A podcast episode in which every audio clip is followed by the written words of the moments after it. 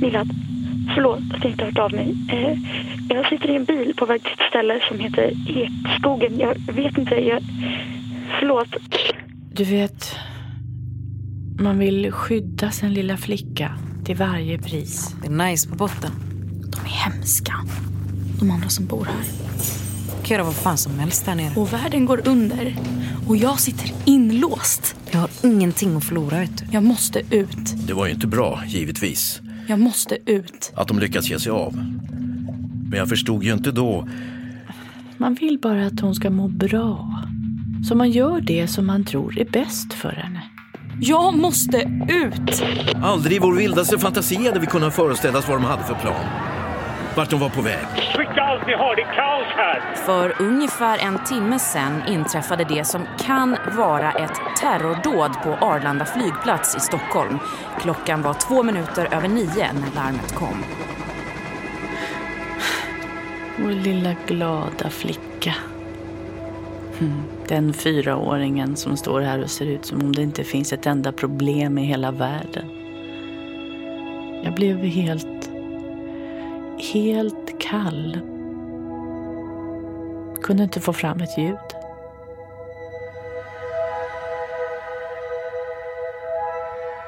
Du lyssnar på Tystad. En dokumentärserie i åtta delar om Elise Björk och Arlanda-attentatet. Jag heter Milad Bondesson. Elise var min flickvän. Vadå? Spelar du in mig nu? Har du inte spelat in allt jag säger? Du vill typ bevara alla mina ord för framtida generationer. Alltså, Milad, du... Kom hit! Stäng av det där du! Kom! På riktigt. Det där är en av Sveriges mest hatade personer just nu. Elise Björk. Ni vet vem hon är. Ni har läst om henne överallt det senaste året. Ni har hört om henne i radio, på tv, på sociala medier, i korridorerna på skolan, på era jobb.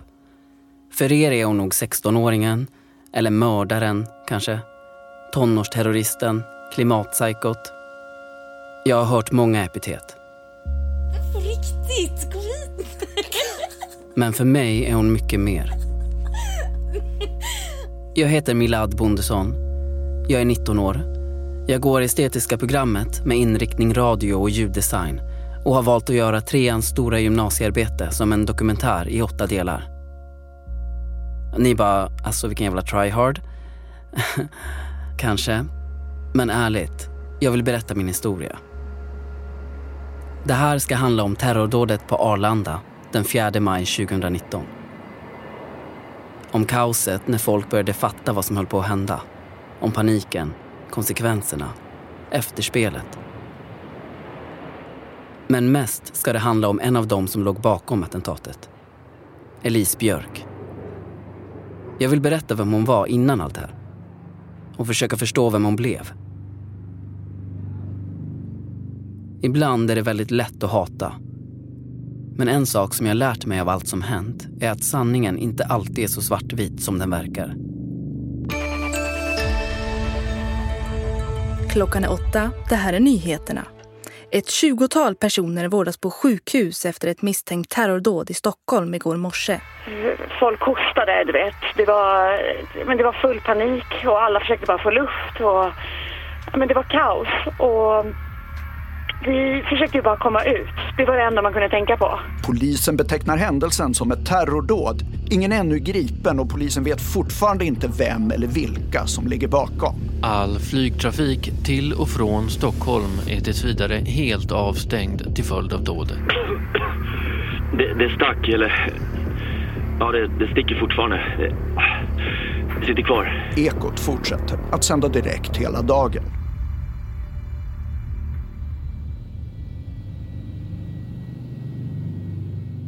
Lördagen den 4 maj 2019 sker det som senare ska komma att kallas Arlanda-attentatet.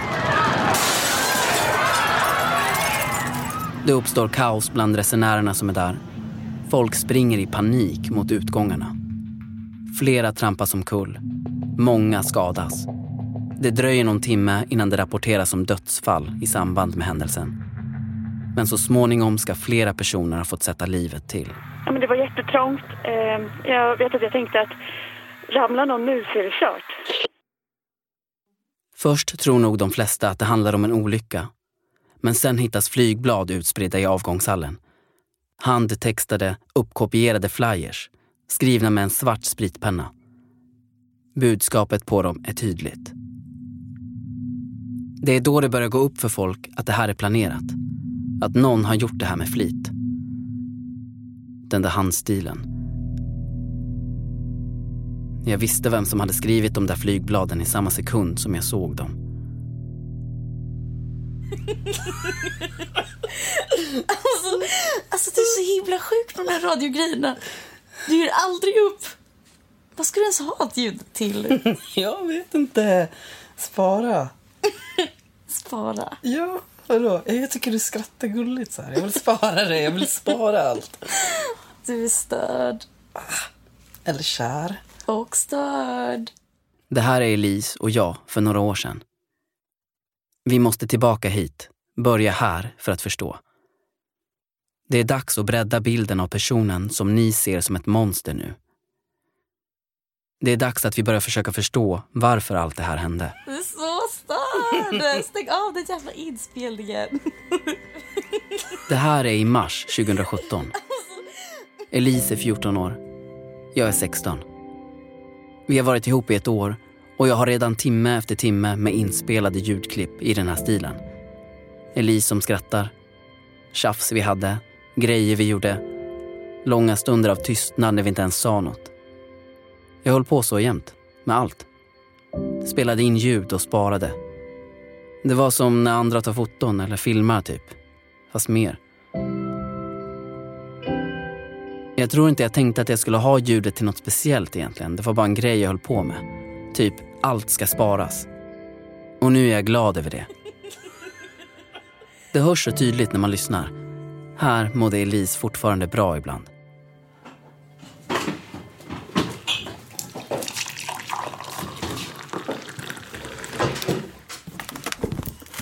Kolla på den här. Här är hon fyra år tror jag. Det här är Elis mamma, Karin. Det är 2007. Det är taget hos min mamma. Hon sitter vid köksbordet i huset där de bor. Framför sig på bordet har Karin sin kaffekopp med kaffe som nästan hunnit bli kallt. Och så har hon ett fotoalbum. Ja, det där var hennes favoritklänning. Hon ville ha den på sig varenda dag. Ser du vad ful? Jag fick aldrig tvätta den. Men så söt hon var. Har du sett? Lilla luggen. Och så glad. Ja, det här var ju förstås långt innan hon blev så noga med hur hennes kläder var tillverkade. På den här tiden kunde jag fortfarande gå in på H&M och köpa en nyproducerad klänning åt henne. Hon tog på sig den. Och kolla, kolla, plastsandaler. Det var vid det här köksbordet som Elise brukade äta middag när jag lärde känna henne. Fotoalbumet som Karin bläddrar i är fyllt av bilder på hela familjen. Mamma Karin, pappa Jonas och så Elise två äldre bröder, Isak och Axel. Ja, Elise var ju vår sladdis, det vet du. Vår lilla prinsessa. Killarna blev så lyckliga när hon kom. De nästan bråkade om att få hålla i barnvagnen när vi var ute på promenad. Ser du? Titta här. Elise föddes i Sigtuna 2003. I det här fotoalbumet är hon bara en liten glad skitunge. Det stora håret i två ljusa tofsar. Leendet går från ena örat till det andra och hon ser nästan alltid ut att vara på väg någonstans. Hon verkar full i fan liksom. Hon var så charmig. Ja, du ser ju. Hon var så charmig. Hon hade oss allihop vir... Vad heter det? Hon, hon, vad säger man? Hon hade oss virade runt sitt lillfinger. I albumet finns bilder på Elise när hon badar, Elise på en häst, Elise i en skog med blåbär i halva ansiktet, Elise på semester, Elise på olika födelsedagar när hon fyller fem och sju och nio. Jag har inte sett bilderna förut. Elise och jag tittade aldrig i gamla album. Men jag känner igen henne. Det syns att det är hon. Hennes leende. Jag kommer ihåg den där våren när ni blev ihop. Så du ska bli radiojournalist? Alltså sen? Ja, typ. Radio? Radio. Du har inte hört talas om typ eh, Youtube? Hur du dissar mig? Den Elise jag lärde känna var både stark och skör. Glad och arg. Men det är svårt nu i efterhand att få ihop fnissandet på de gamla ljudupptagningarna med den hon blev sen. Elise var så hemlig först. Vet du, hon, hon sa ingenting om att hon hade pojkvän. Hon svarade bara nej det är inget varje gång jag frågade. Men det syntes ju på henne. Elise mamma Karin igen. Men hon mådde fortfarande bra ibland i sjuan. Visst gjorde hon? Det fanns ju stunder när allt var bra. Oroar du dig? Läste du artikeln jag delade? Inte bara glaciärerna nu. Och allt vatten kommer... När Golfströmmen vänder, då är vi så jävla körda här uppe. Men det är ju... Vi är så här små. Det är som att försöka slåss mot ett monster. Eller värre, en miljard Godzillas på en gång. Hur skulle jag inte kunna oroa mig? Allt jag läser om temperaturökningar och hav som reflekterar värme, ökade utsläpp, bin som dör. Folk, folk är helt... Det är så jävla kört. Men... eh, Blir det bättre av att du... Nej, det är såklart det inte blir bättre. Det är som om det lättar. Jag vet inte vad det var som kom först egentligen. Om det var Elise miljöengagemang eller hennes ångest. Hönan eller ägget typ. Men jag vet att hon inte var allvarligt sjuk när jag lärde känna henne. Då kunde hon fortfarande hantera sin oro och omvandla den till handlingskraft.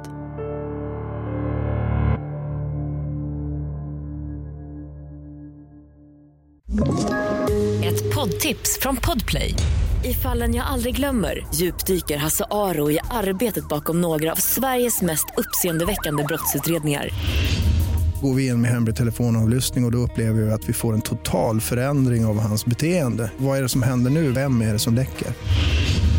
Och så säger han att jag är kriminell, jag har varit kriminell i hela mitt liv men att mörda ett barn, där går min gräns. Nya säsongen av Fallen jag aldrig glömmer på Podplay.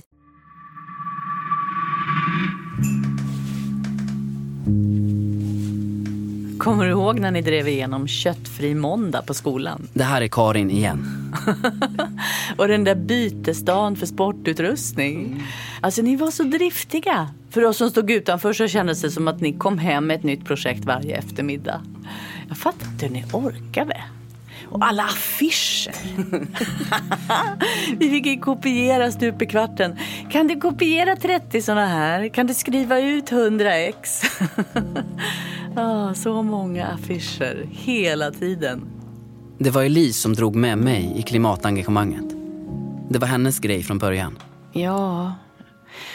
När Elise var liten, hon älskade djur och natur. Vi var jämt ute i skogen. Och sen växte det sig större och större. Jag vet inte exakt när det började gå åt fel håll. Hon hade mycket oro i sig redan som barn. Det var ju... Ja, men det var ju samhället också. Det pratades ju mer och mer om miljön överallt. Och klimathotet. Ja, det var ju på tv och så hela tiden, 2017, 2018.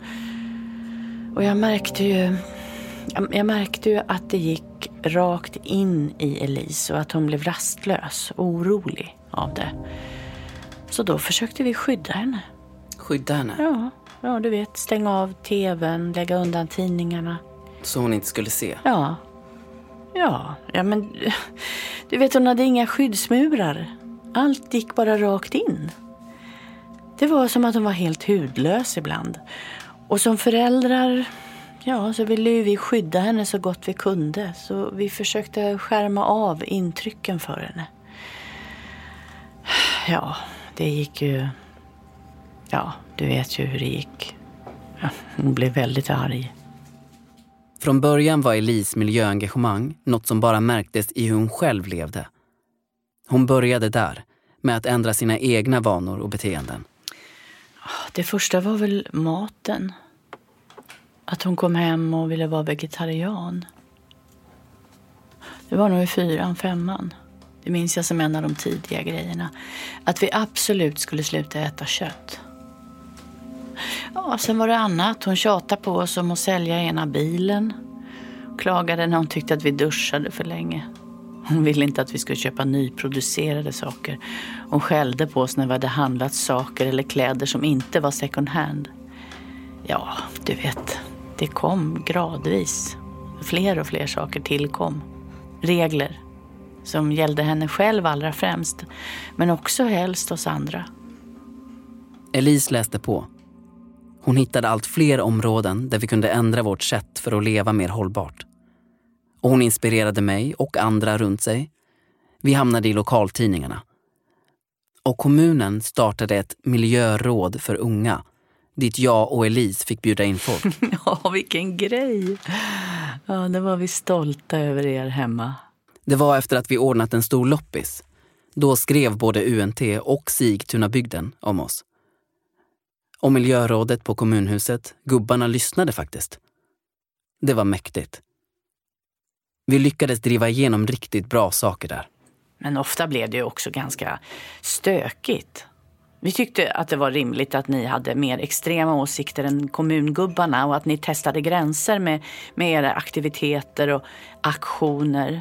Men det var ju flera gånger som de förbjöd er att göra saker på byn eftersom det var i kommunens regi. Och det blev ju ofta turbulent runt Elise. Ja, det var ju då det brakade loss kan man säga. Alla gånger de ringde från skolan för att hon hade fått ett utbrott i matsalen eller på någon lektion. Alla tjafs hemma. Och med hennes kompisar och ni två bråkade ju också.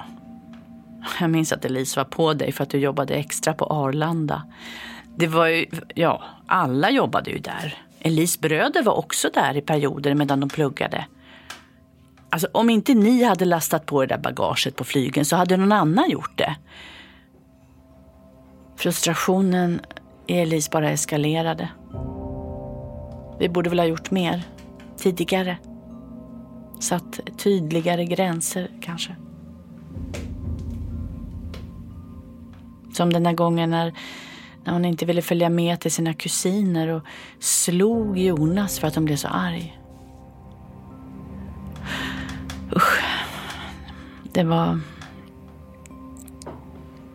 Elise tänkte på klimatet i första hand och tyckte att det var en helt onödig bilresa. Och vi, vi, vi, vi, vi var väl inte så stöttande eller förändringsbenägna som hon hoppades på. Jag vet inte exakt när jag första gången tänkte att något hade svängt. Det var liksom inte en händelse eller en särskild dag det hände. Det var en långsam, gradvis förändring. Men när jag tänker tillbaka så vet jag att Elise var annorlunda våren 2018, när hon gick i åttan. Då kunde hon inte omvandla det hon läste om till idéer och aktioner längre. Då blev det mest oro och bråk. Och efter det blev hon snabbt sämre. Vi visste inte vad vi skulle göra. Det vet man ju inte. Vår lilla glada flicka. Mm. Den fyraåringen som står här och ser ut som om det inte finns ett enda problem i hela världen. Det var inte lätt för oss att se henne bli så arg och frustrerad. Jag vet, Milad, jag vet. Jag förstår om du är besviken på oss och jag vet att Elise var det när vi försökte få henne att ta emot hjälp. Hon tyckte att vi var så, ja, så korkade. Men vi visste ju inte allt som vi vet nu. Vi ville bara hjälpa. Uh, finns det några bilder här i albumet från det året då hon började...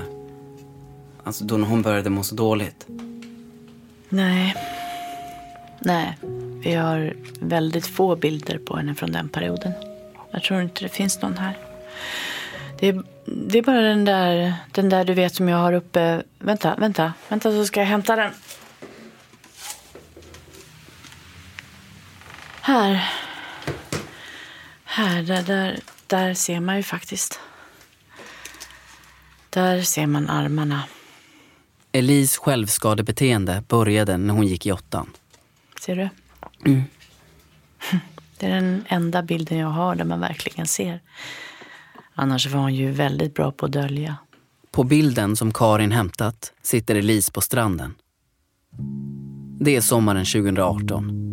Den där varma, torra sommaren när vi hade så många skogsbränder i Sverige. Elise ska snart börja nian och hon sitter på en filt i skuggan och håller på med sin mobil. Hennes nacke är böjd över skärmen. Det stora lockiga håret förfräknarna i ansiktet och shortsen täcker ärren som jag vet finns på insidan av låren. Men de som hon har på armarna syns tydligt. De är så nya här. Som ilskna röda streck mot huden. Milad, du måste förstå att vi gjorde, vi försökte göra allt vi kunde. Jag och BUP och skolkuratorn på Sankt Olof, du vet Ulrika. Hon gjorde allt för att hjälpa Elise. Hon följde med till läkare, olika utredningar. Hon fixade remisser. Hon såg till att hon fick en plats på det där HVB-hemmet som jobbade med självskadebeteende. Jonas och jag tyckte att det lät jättebra. Men Elise, hon vägrade åka dit. När vi försökte kolla hennes skärsår då slog hon efter oss. Och så fnös hon när vi sa att vi bara ville hjälpa. Ni kunde väl ha tänkt lite innan ni skaffade mig? Då skulle vi haft en mindre här som belastade klimatet med sin existens. Det var så otäckt när hon sa så. Och sen när hon var inlagd på BUP. Alltså, då kände jag mig maktlös. Som en dålig mamma. Hon gick i samtal där och utreddes för olika saker men inget verkade göra någon skillnad och hon var bara arg och förtvivlad. Elise ville inte ha någon vård. Och Karin och Jonas var nog rätt oförberedda. Isak och Axel hade inte alls hållit på så här. Och ingenting av allt Elise föräldrar testade funkade. Och så började spiralen plötsligt snurra ännu snabbare. Elise bröt med sin bästis Cornelia och andra gamla kompisar. Hon slutade med ridningen. Hon hatade sina lärare, tyckte att skolan var meningslös och vände på dygnet när hon stannade hemma. Till slut var det bara jag och hennes familj kvar runt henne. Och vi fick allt svårare att nå fram. Ni fattar ju inte. Ingen fattar. Det här är Elise hösten 2018, när hon precis börjat nian. Ja, men det är det enda sättet jag har kommit på som får det att lätta. Lätta? Ja, men liksom trycket inuti. Men du... Nej, men börja inte nu igen. Vill du att jag ska berätta eller inte? Du kan inte hålla på och försöka övertala mig hela tiden. Det hjälper inte. Det blir bara värre. Fattar du inte? Det blir bara värre. Som i miljön. Det blir bara värre. Hela tiden.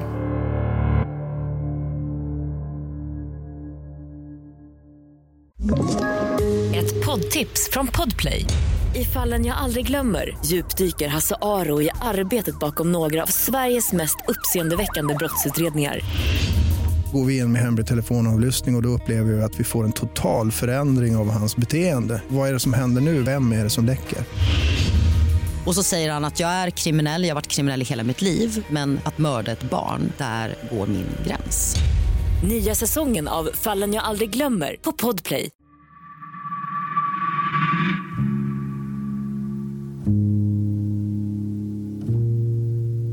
Hösten 2018 var det också valår i Sverige. Och inför valet ställde sig en annan tjej, jämnåriga Greta Thunberg, på Mynttorget i Stockholm. Hon skolstrejkade för klimatets skull och fick snabbt med sig fler tonåringar. Då Vid det laget så hade jag ont i magen för Elis skull varje dag. Elis mamma igen.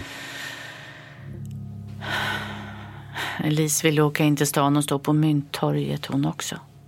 Jag tror hon blev peppad av Greta Thunberg och hennes gäng. Men samtidigt, hon kom inte ens iväg till skolan varje dag då. Hon stack ut på nätterna ibland utan att säga till oss vart hon skulle. Och när hon var hemma satt hon uppe ensam. Det var nya sår. Det var nya sår varje gång jag såg hennes armar och ben. Så att hon skulle ta pendeln och åka hela vägen in till stan själv för att stå där på torget tillsammans med en massa främlingar och missa ännu mer skola. Vi förbjöd det. Usch. Jag hör ju hur det låter. Det var nog vårt värsta gräl, tror jag. Då var hon helt...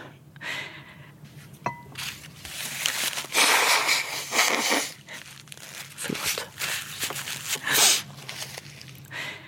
Men det sista vi ville var att Elise skulle ta ännu mer ansvar för att rädda världen. Alltså varför var det barnen som skulle strejka?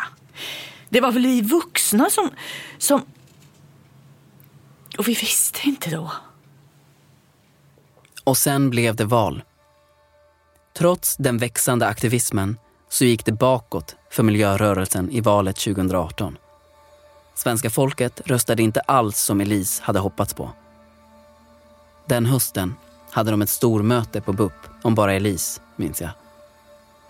Och det var turer in och ut på olika instanser. Inga framsteg, hundra bakslag, bara bråk. Och sen, i början av december... Det var en torsdag. Jag minns att det var kallt, så jag tog mössan på mitt blöta hår för att det inte skulle frysa. Det hade snöat och jag hade dubbdäck på cykeln och sladdade på isfläckarna hela vägen hem till Elise. Om vi tog sällskap var det större sannolikhet att hon kom iväg till skolan. Jag kommer ihåg att hon verkade rätt lugn när vi stannade bakom busstationen och sa hej då. Att vi bestämde att vi skulle plugga spanska hos mig på eftermiddagen och att hennes näsa var... Den var som en isbit när hon borrade in den mot min hals. Torsdagen den 6 december. Vi hade faktiskt inte bråkat just den morgonen. Det var inget särskilt i världen som hade hänt. Inget toppmöte, inga hemska morgonnyheter. Jag minns inget sånt som vi kunde koppla det till. Det var nog bara så att, att vid det laget så mådde Elise konstant dåligt. Och vi andra också. Hela familjen höll på att gå sönder. Så när, när telefonen ringde hos mig i blomsteraffären och jag såg att det var ett av skolans nummer vet jag att jag hajade till. Det var som att kroppen visste innan hjärnan kopplade. Nu har det hänt, tänkte jag. Jag vet inte exakt vad det var jag föreställde mig egentligen. Men jag visste redan innan jag svarade att det var något allvarligt. Minns du vad de sa? Inte ordagrant. Men det var väl något i stil med att din dotter är på väg till sjukhuset i Uppsala. Kanske något med ambulans. Jag kommer inte ihåg orden. Jag kommer bara ihåg känslan i kroppen. Och hur var den? Helt kall. Jag blev helt... Helt kall och tyst. Kunde inte få fram ett ljud. Elis första lektion den dagen var träslöjd. Jag var på min skola i Märsta. Jag vet bara vad folk har berättat. Men jag har gått på Sankt Olof och kan lätt föreställa mig kaoset. Elise som får panikångest och skriker och låser in sig i ett förråd i träslöjdssalen. Sune, min snälla gamla träslöjdslärare som knackar och vädjar om att hon ska öppna. Till slut måste han bräcka upp dörren. Och då är det fullt med blod på golvet. Och mitt i det ligger Elise, avsvimmad. Sune fick tydligen panik. Han var alltid väldigt noga med säkerheten på sina lektioner. Man fick visa att man visste exakt hur man skulle göra med olika verktyg och så innan man fick använda dem. Och så var det han som hade ansvaret den där morgonen när Elise valde att hacka sig själv med ett stämjärn i ena vaden och foten.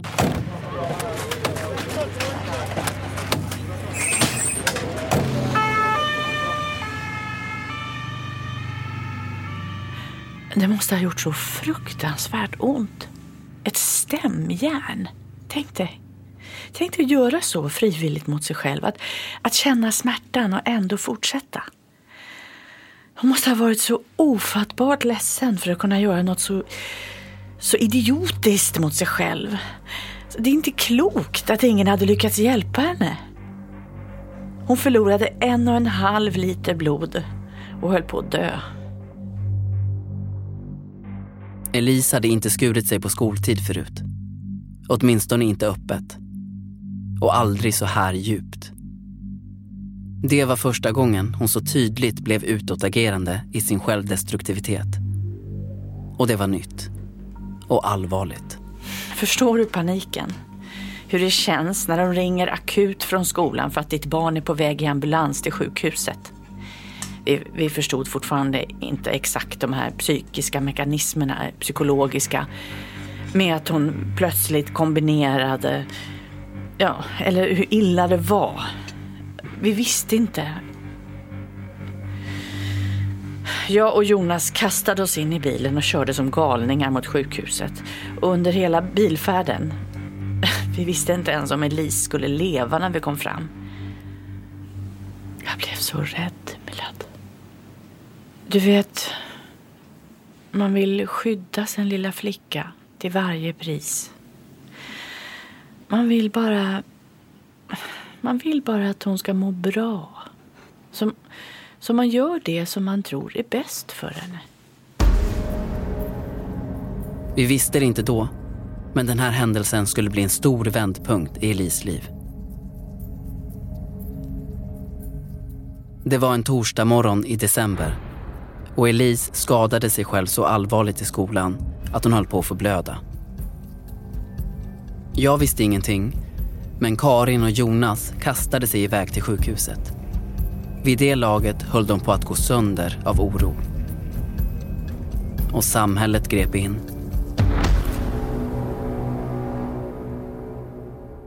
Det var efter det som det på riktigt började gå åt helt fel håll.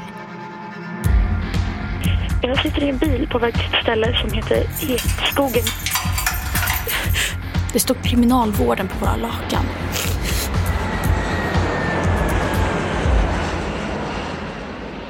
De är hemska, de andra som bor här.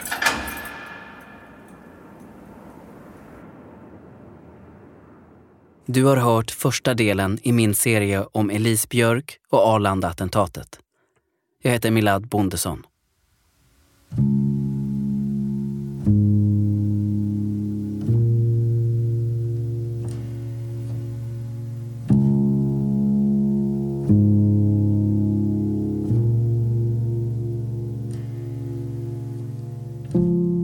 Tystad är en serie från tiden.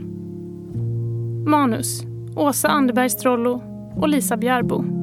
Regi Åsa Anderberg Strollo, Lisa Bjärbo och Klara Gustafsson. I rollen som Milad hörde du Kristoffer Lehmann, Elise, Mira Mitchell, Karin, Cecilia Nilsson, Sanna, Siam Shurafa och Bosse, Thomas Nordström.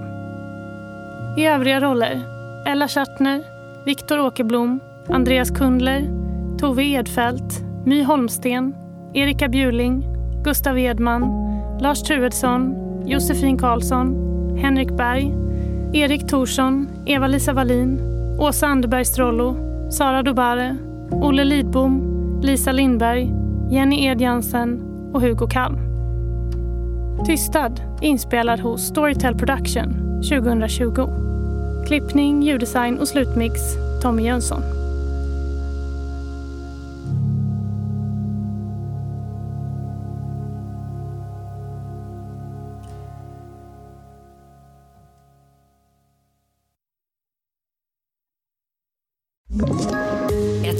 Poddtips från Podplay. I fallen jag aldrig glömmer djupdyker Hasse Aro i arbetet bakom några av Sveriges mest uppseendeväckande brottsutredningar. Går vi in med hemlig telefonavlyssning och, och då upplever vi att vi får en total förändring av hans beteende. Vad är det som händer nu? Vem är det som läcker? Och så säger han att jag är kriminell, jag har varit kriminell i hela mitt liv men att mörda ett barn, där går min gräns. Nya säsongen av Fallen jag aldrig glömmer på Podplay.